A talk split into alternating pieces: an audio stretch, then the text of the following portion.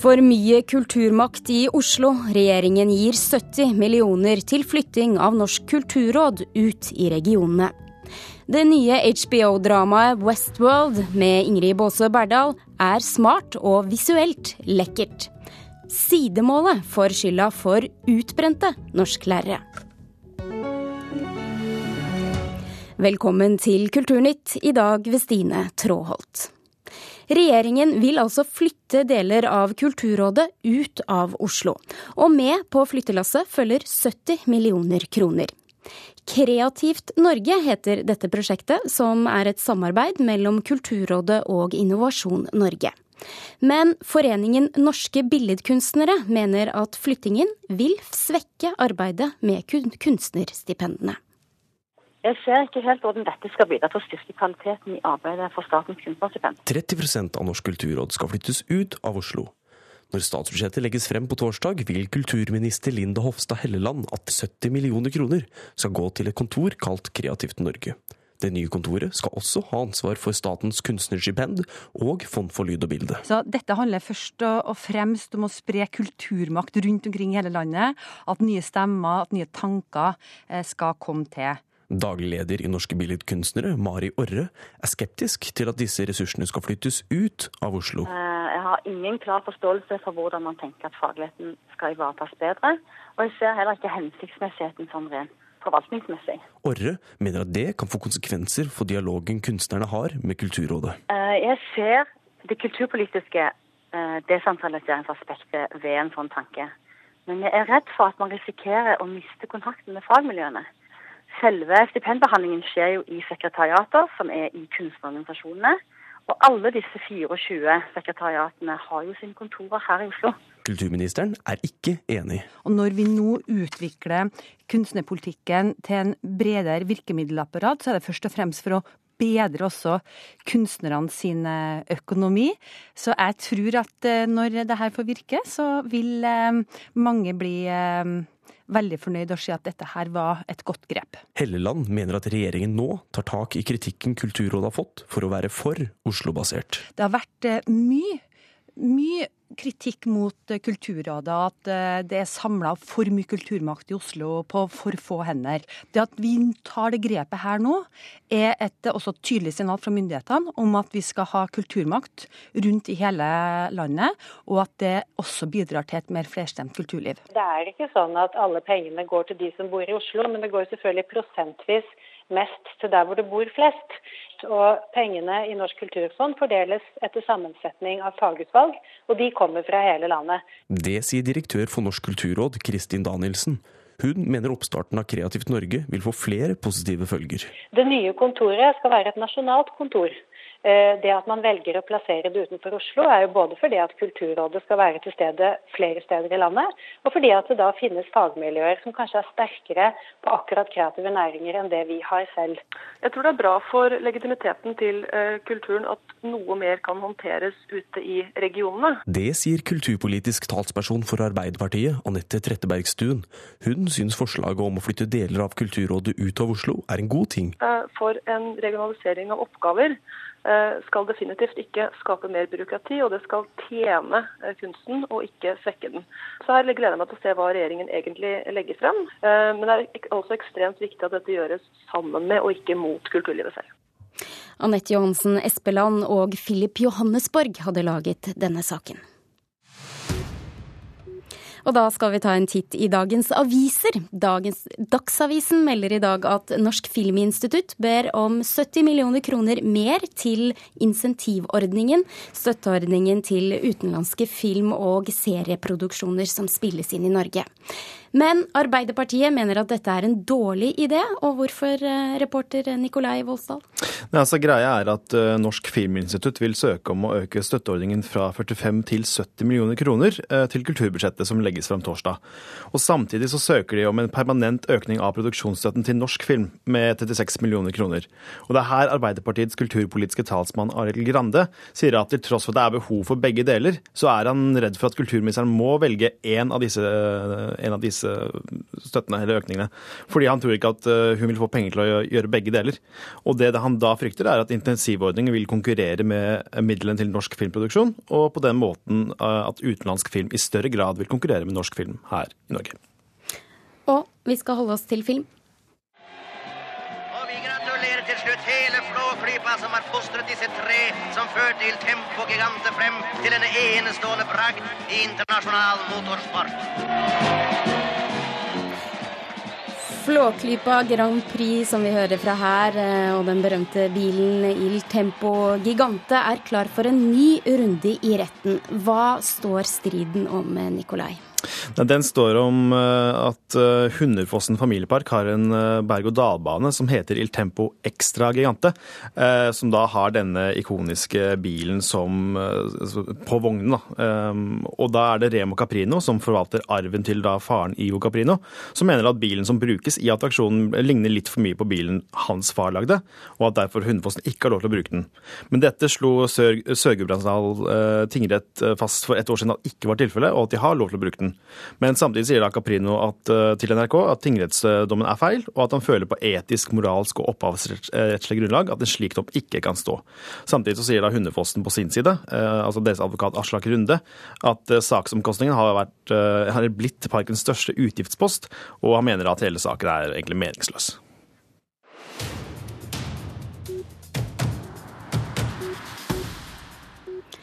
Suksessforfatteren Elena Ferrante er en gåte for mange. I 25 år så har hun gitt ut bøker under falskt navn.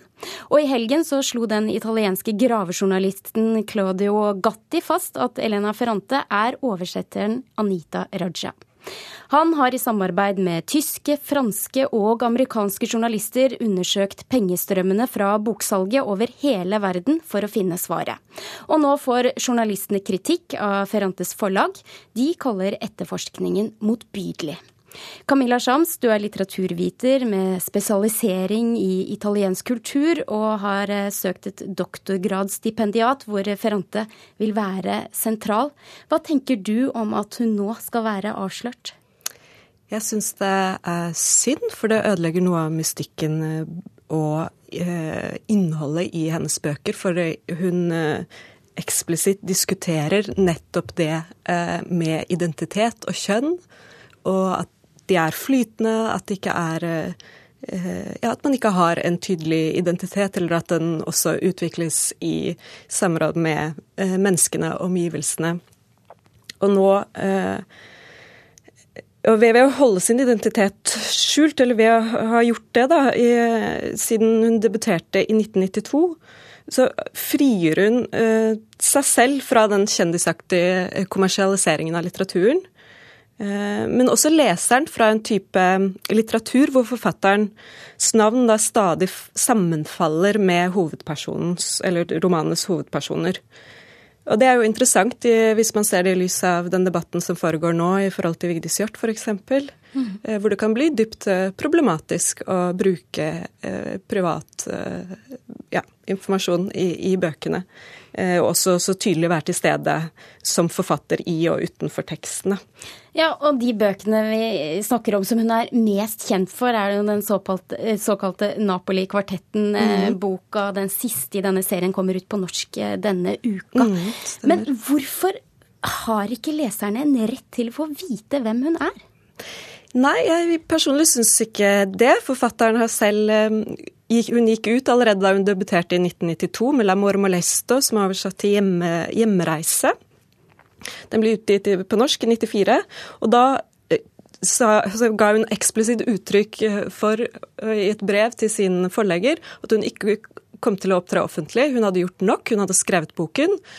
Eh, og bøker, når de først er skrevet, etter til Ferrantes syn, eh, har ikke behov for sine forfattere. Om de har noe å fortelle, så vil de før eller siden bli lest. Men så vel, kan man vel hevde også at når man skriver da om erfaringer fra sitt eget og andre menneskers liv rundt en, så er det mest redelig å bare stå frem? Ja, eller kanskje det også er en form for beskyttelse. Hun beskytter seg selv, ikke minst, men hun beskytter også de hun eventuelt skriver om. Eh, og til forskjell fra en forfatter som Roberto Saviano, f.eks., som eh, har måttet eh, lide under å ha stått frem og skrevet om mafiaen, ikke sant, så, så frigjør hun seg. Det er et, jeg opplever det som et frigjøringsprosjekt å holde identiteten sin skjult. Mm. Hun har jo gitt noen intervjuer via e-post til eh, flere aviser. Hva har hun sagt der konkret om dette behovet for å være anonym? Nei, det er et veddemål hun har inngått med seg selv, og det er et politisk standpunkt eh, hun har tatt, og som hun har stått ved siden hun debuterte. Og det står det respekt av, og det syns jeg vi skal respektere. Det er nå ikke blitt gjort.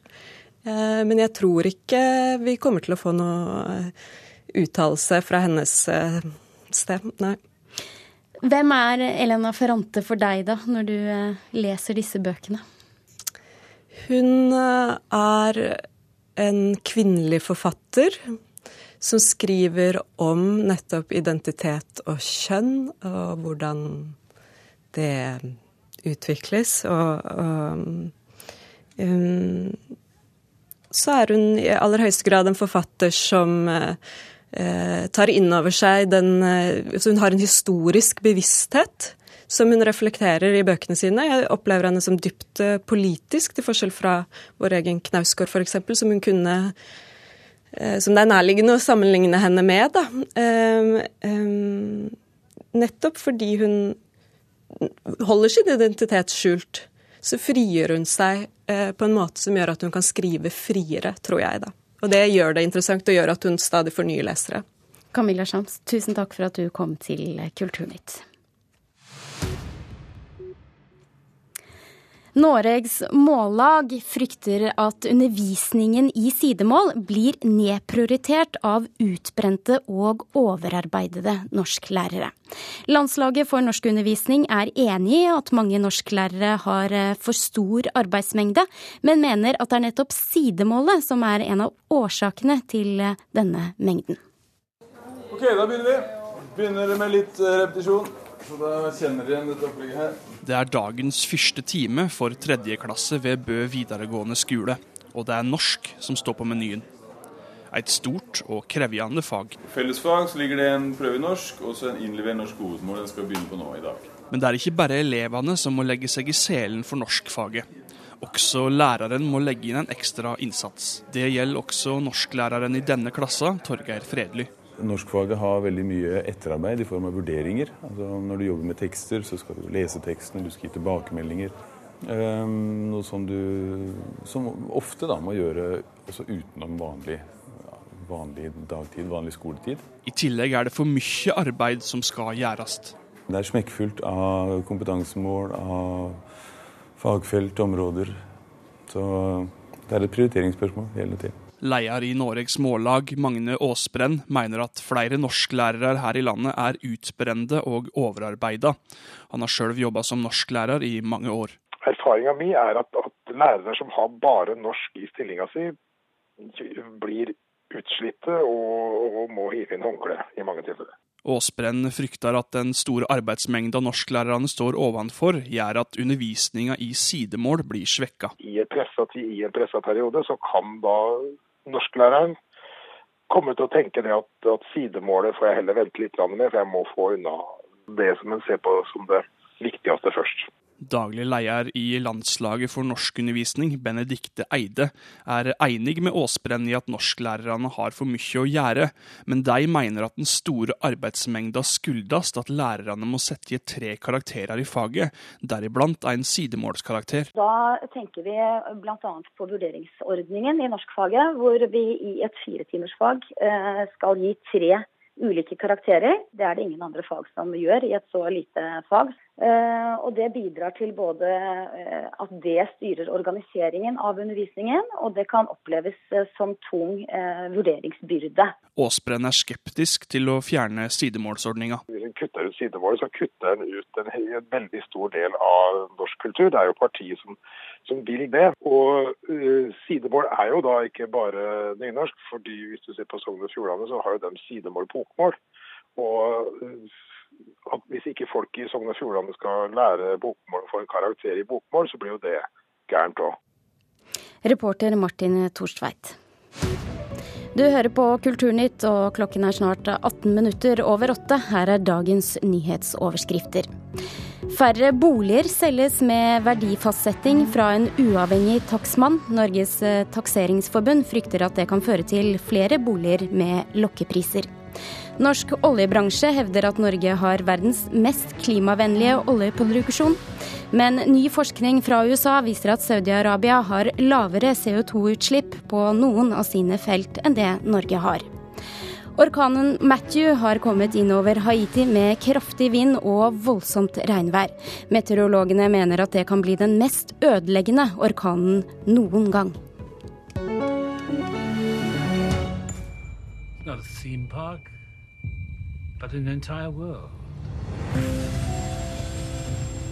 You and everyone you know were built to gratify the desires of the people who pay to visit your world.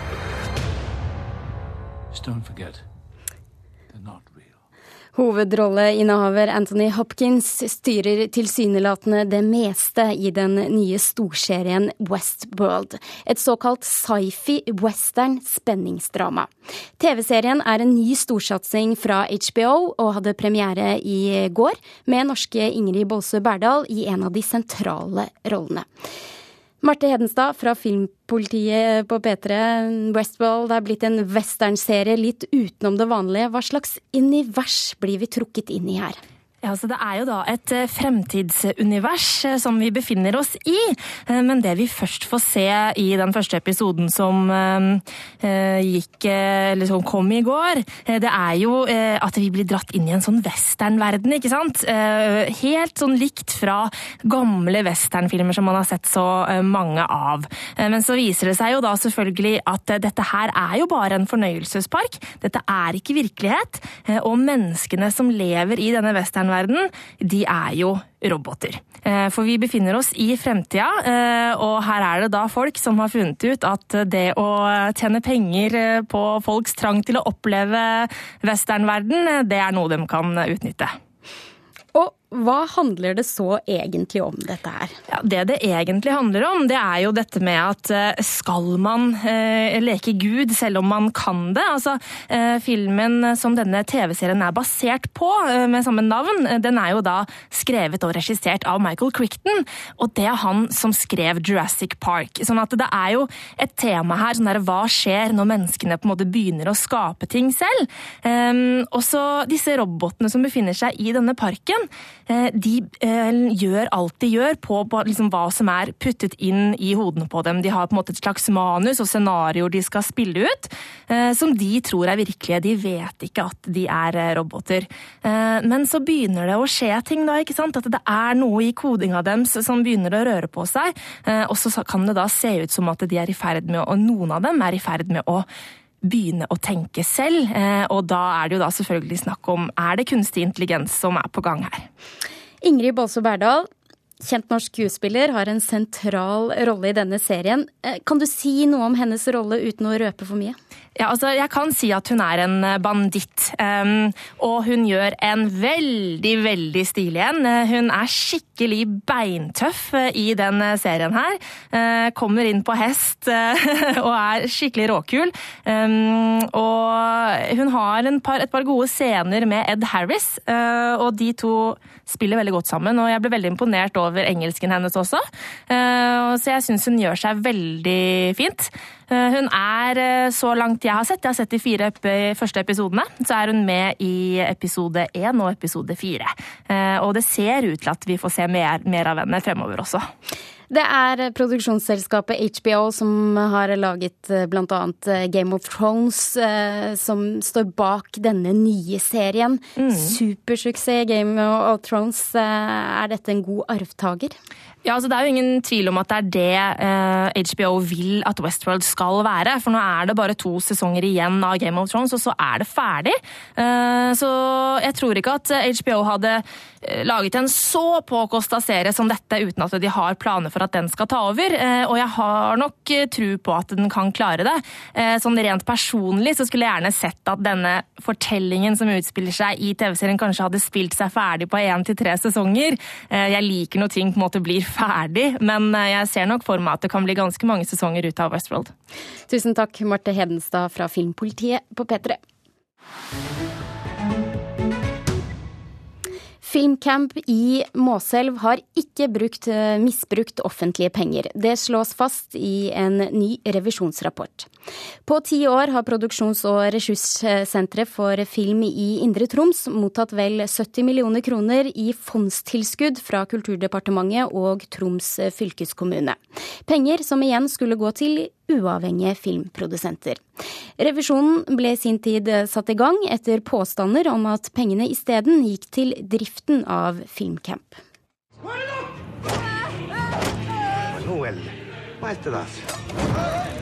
Kautokeino-opprøret, en av mer enn 40 filmproduksjoner ved Filmcamp siden etableringa i 2005. Nesten like lenge har det vært bråk om måten Filmcamp har vært drevet på. Kritikerne har ment at offentlige penger som egentlig skulle gå til filmprodusenter, isteden har gått i Filmcamps eia lomme. Nå viser en ny revisjonsrapport at Filmcamp ikke har brukt offentlige penger i strid med regelverket. Filmcamp-sjef Kjetil Jensberg reagerer slik. Det er jo et stort og omfattende arbeid som er gjort, og jeg syns det er godt arbeid. Ifølge rapporten erkjenner Filmcamp at ikke hele statstilskuddet har blitt brukt på filmproduksjon, men isteden på infrastruktur og utvikling av selskapets filmfaglige kompetanse. Ifølge revisor kunne Filmcamp gjøre det, fordi vilkårene for bruk av statstilskudd og de regionale matchingsmidlene ikke var entydig avklart. Jensberg svarer slik på spørsmålet om Filmcamp har utnytta regelverket. Vi har forholdt oss til regelverket i forkant. og det er klart at Regelverket ga rom for mange fortolkninger, og men vi har aldri mottok jo aldri noen kritikk av den måten vi fortolka det på. Så vi har forholdt oss til det som, var, som lå i mulighetene som var gitt. I 2012 satte Kulturdepartementet foten ned og slo fast at utviklingsvirksomheten som Filmcamp drev med, ikke lenger kunne finansieres med statstilskudd. Filmcamp måtte tilbakebetale 900 000 kroner. Samtidig ble ordlyden i tildelingsbrevene tydeliggjort. Den tidligere lederen i Produsentforeninga i Nord-Norge har vært en av Filmcamps sterkeste kritikere. Knut Skoglund er skuffa over rapportens konklusjon, men sier at kritikken de har retta mot Filmcam, har hatt betydning. Nei, Den har hjulpet på den måten at uh, departementet og etter hvert også fylket definerte at fondet og fondsmidlene skulle gå til uavhengige produsenter, og at Filmcamp sjøl ikke skulle kunne benytte seg av disse midlene. Så uh, alt i alt så, så har kritikken hjulpet. Reporter Rune Norgård Andreassen. Da skal vi til Riksteatrets familieforestilling Heia Flåklypa, Solan Ludvig og den store melkespannkastekonkurransen. Den har turnépremiere i Tynset kulturhus i morgen, og etter det så står nærmere 70 andre spillesteder i landet for tur. Og slik høres det ut når Flåklypa har funnet veien til teaterscenen. Hva går disse nye planene ut på, da? Jo, han, han, sier vi skal ut og stjele melkespann. At dere skulle hva for noe? Stjele melkespann. Stjele melkespann? Ja. Altså, dette er noe av det mest vanvittige jeg har hørt. Ja, men... Jeg vil da ikke ha noe melkespann. Jeg vil ha et meieri! Ja. Si meg en ting, har fjøslukten gått til hodet på dem? Han, han, han sier vi kan uh, vinne melkekastkonkurransen med det melkespannet, og så kan vi kjøpe meieriet billig etterpå. Karen Frøsland Nystøl, teaterkritiker i NRK. Du har sett premieren som fant sted i Oslo. Hva hørte vi her? Her hørte vi de som driver handlinga framover, nemlig enkefru Engel Glad, som er en meieribestyrer i Oslo, og hennes undersått eh, Mysil Bergsprekken, spilt av henholdsvis Simon Andersen og Robert Skjærstad. Greia er at i Flåklypa har de et meieri, og de har Emanuel Desperados, som er den ubestridte vinner av melkespannkastekonkurransen. Han har alltid vunnet. Eh, denne kampen vil nå dette Oslo-meieriet ta opp, og eh, som vi jo hører, så har ikke de helt rent mjøl i posen. Nei, og det er heller ingen hemmelighet da, at forestillingen har fått litt lunken mottakelse. Terningkast tre i både Aftenposten og VG. Teaterkritiker eh, Mona Levin beskriver den som både påkastet, seig, humørløs, usjarmerende og kjedelig. Ja. Er det så galt? Jeg har sett bedre. Det var en streng dom fra Mona Levin, men sjøl er jeg ganske skuffa. Denne forestillinga kunne ha gleda mange med enkle grep. F.eks. så må de gjøre noe med tempo. Det er ikke noe ildtempo ekstra Gigante her på noe som helst vis. Det går sakte, det er lite som skjer. Og eh, Reodor Felgen han er en sånn skomaker Andersen-type, en rolig type, og det går greit. Men når ingen andre karakterer dytter opp tempoet, da er ikke det så veldig enkelt å se på. De kunne benytta frampek, sånn som dette verkstedet til Reodor Felgen, med masse snurrepiperier og rare maskiner. Eh, det kom jo selvfølgelig et innbrudd der et melkespann skal stjeles, men når barna ikke veit hva disse maskinene faktisk kan brukes til, hvilken ulykke de kan representere hvis de gale folka trykker på de gale knappene, så skapes det så lite forventning her òg. Og så syns jeg heller ikke de definerte målgruppa godt nok, for denne forestillinga handler bl.a. om konflikten mellom by og land på en måte som jeg tror barn barn av i dag egentlig ikke tenker så mye på, og egentlig ikke ser på som en konflikt. Så her har de en jobb å gjøre hvis dette skal bli virkelig bra. Men betyr det at Flåklypa burde bare holdt seg til kinolerretet? Jeg tror at det er mulig å lage morsomt og godt teater av dette, men de er nødt til å ta grep. Eh, den er fantasifull i scenografien, og som vi hører så er det jo enkelte karakterer som virkelig jobber på for at dette skal bli noe av, disse forbryterne som vi hørte i starten. da. Men, eh, men den treffer ikke helt. Den klarer ikke å skape nærhet, den klarer ikke å involvere barna godt nok. Og når jeg hører flere foreldre på vei ut forklare barna hva som egentlig har skjedd i forestillinga, så tenker jeg at her må de gjøre noe for at de skal nå de målene de ønsker nå, og glede teaterpublikummet med Flåklypa. Takk, Karen Frøsland Nystøyl. I Kulturnytt i dag har du hørt at Kulturrådet og Innovasjon Norge sammen får 70 millioner kroner av regjeringen i statsbudsjettet til å styrke satsingen på å utvikle kultur som næring rundt i landet. Dette innebærer også å flytte deler av Kulturrådet ut av Oslo. Thomas Alverstein Ove var produsent.